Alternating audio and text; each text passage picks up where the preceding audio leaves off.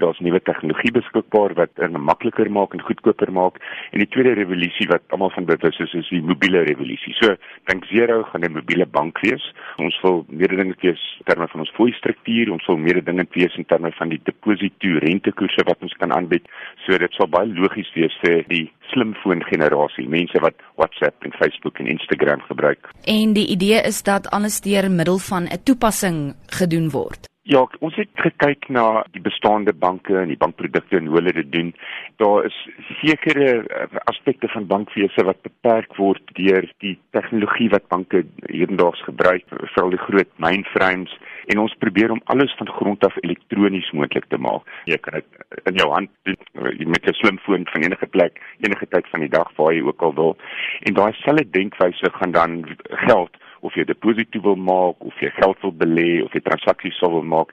En ons wil dit veral maklik maak vir besighede in Suid-Afrika. Ons dink dit is 'n segment wat nie behoorlik na gekyk word nie en wat ook te veel bankfooie betaal. Alles wat kommersiële banke aan hulle kliënte bied, sal hierdie bank dieselfde dienste aan hulle kan bied? Ja, uh, ons dink so, ehm um, daar's nuwe funksionaliteit. Alles sal natuurlik bekend gemaak word as ons aan die einde van 2018 loods, maar alles transaksioneel en in terme van beleggingsprodukte. So ons wil nie fokus op leningsprodukte nie. Ons dink die leningsmark in Suid-Afrika, daar's geweldig baie keuse of dit huislenings of motorlenings of mikrolenings is. Ons dink nie ons kan daar verskil maak nie, maar ons kan wel 'n verskil maak wanneer um, dit kom by besparing en dis uiteraard iets wat Suid-Afrika baie nodig het. Ons leen te veel en spaar te min. So een van die voordele moontlik is is uh, om 'n besparingskultuur onder Suid-Afrikaners aan te moedig. Wat is van die ander moontlike voordele waarna ons kan uitsien? Wel, die basiese produk is 'n toepassing en natuurlik ook 'n bankkaart. Mense het toegang tot kontant nodig.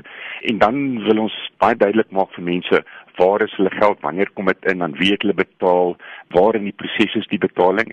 Maar die groot voordeel vir kliënte gaan wees gemak. Daar's geen nodigheid om ooit na 'n tak toe te gaan nie en dan tweedens baie meer dinge in die uh, kostes en rentekoerse. Wat van sekuriteitsrisiko's omdat alles elektronies gaan wees? Ons het deur 'n baie lang proses deur die Suid-Afrikaanse Reservebank gevat voordat ons hierdie voorwaardelike lisensie bekom het en dit kyk na alle aspekte van bankbestuur, al die risiko's, insluitende tegnologie risiko's.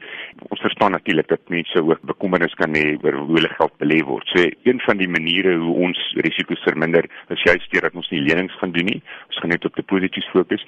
Die ander een is dat ons as mens suiwer op 'n slimfoon besigheid doen, dan is dit eintlik baie moeiliker om sekuriteitsbreuke, inbreuke te maak soos daar in die res van die wêreld plaasgevind het. Dit is gewoonlik op rekenaars wat mense by hulle werk of by die huis gebruik dat foute gemaak word. Met 'n slimfoon het 'n mens byvoorbeeld die moontlikheid om te sien waar is 'n kliënt wanneer 'n betaling gemaak word. Die ander ding is dat mens biometriese maniere kan gebruik om seker te maak mense het die regte kliënt te doen. So die vraag is dan sonder 'n tak byvoorbeeld hoe sal die korrespondensie tussen kliënt en bank werk? So so veel as moontlik gaan ons alles op elektroniese korrespondensie baseer. Die toepassing self sal die moontlikheid hê om elektronies met ons in verbinding te kan tree, maar ons probeer geweldig hard om dit so maklik te maak dat dit amper nie eers nodig is om met ons te praat nie. Jy het vroeër genoem dat jy veral op besighede gaan fokus, maar wie vorm almal deel van julle teikenmark? Alle mense wat gemaklik is daarmee om 'n slimfoon te gebruik en toepassings op 'n slimfoon te gebruik. So dit kan enige iemand wees, maar ons dink dit sal veral die jonger geslag wees. Dit gaan besighede, individue, families en selfs enige groepering soos byvoorbeeld 'n stokvel sal baat kan vind daarin om van ons kliënte te word.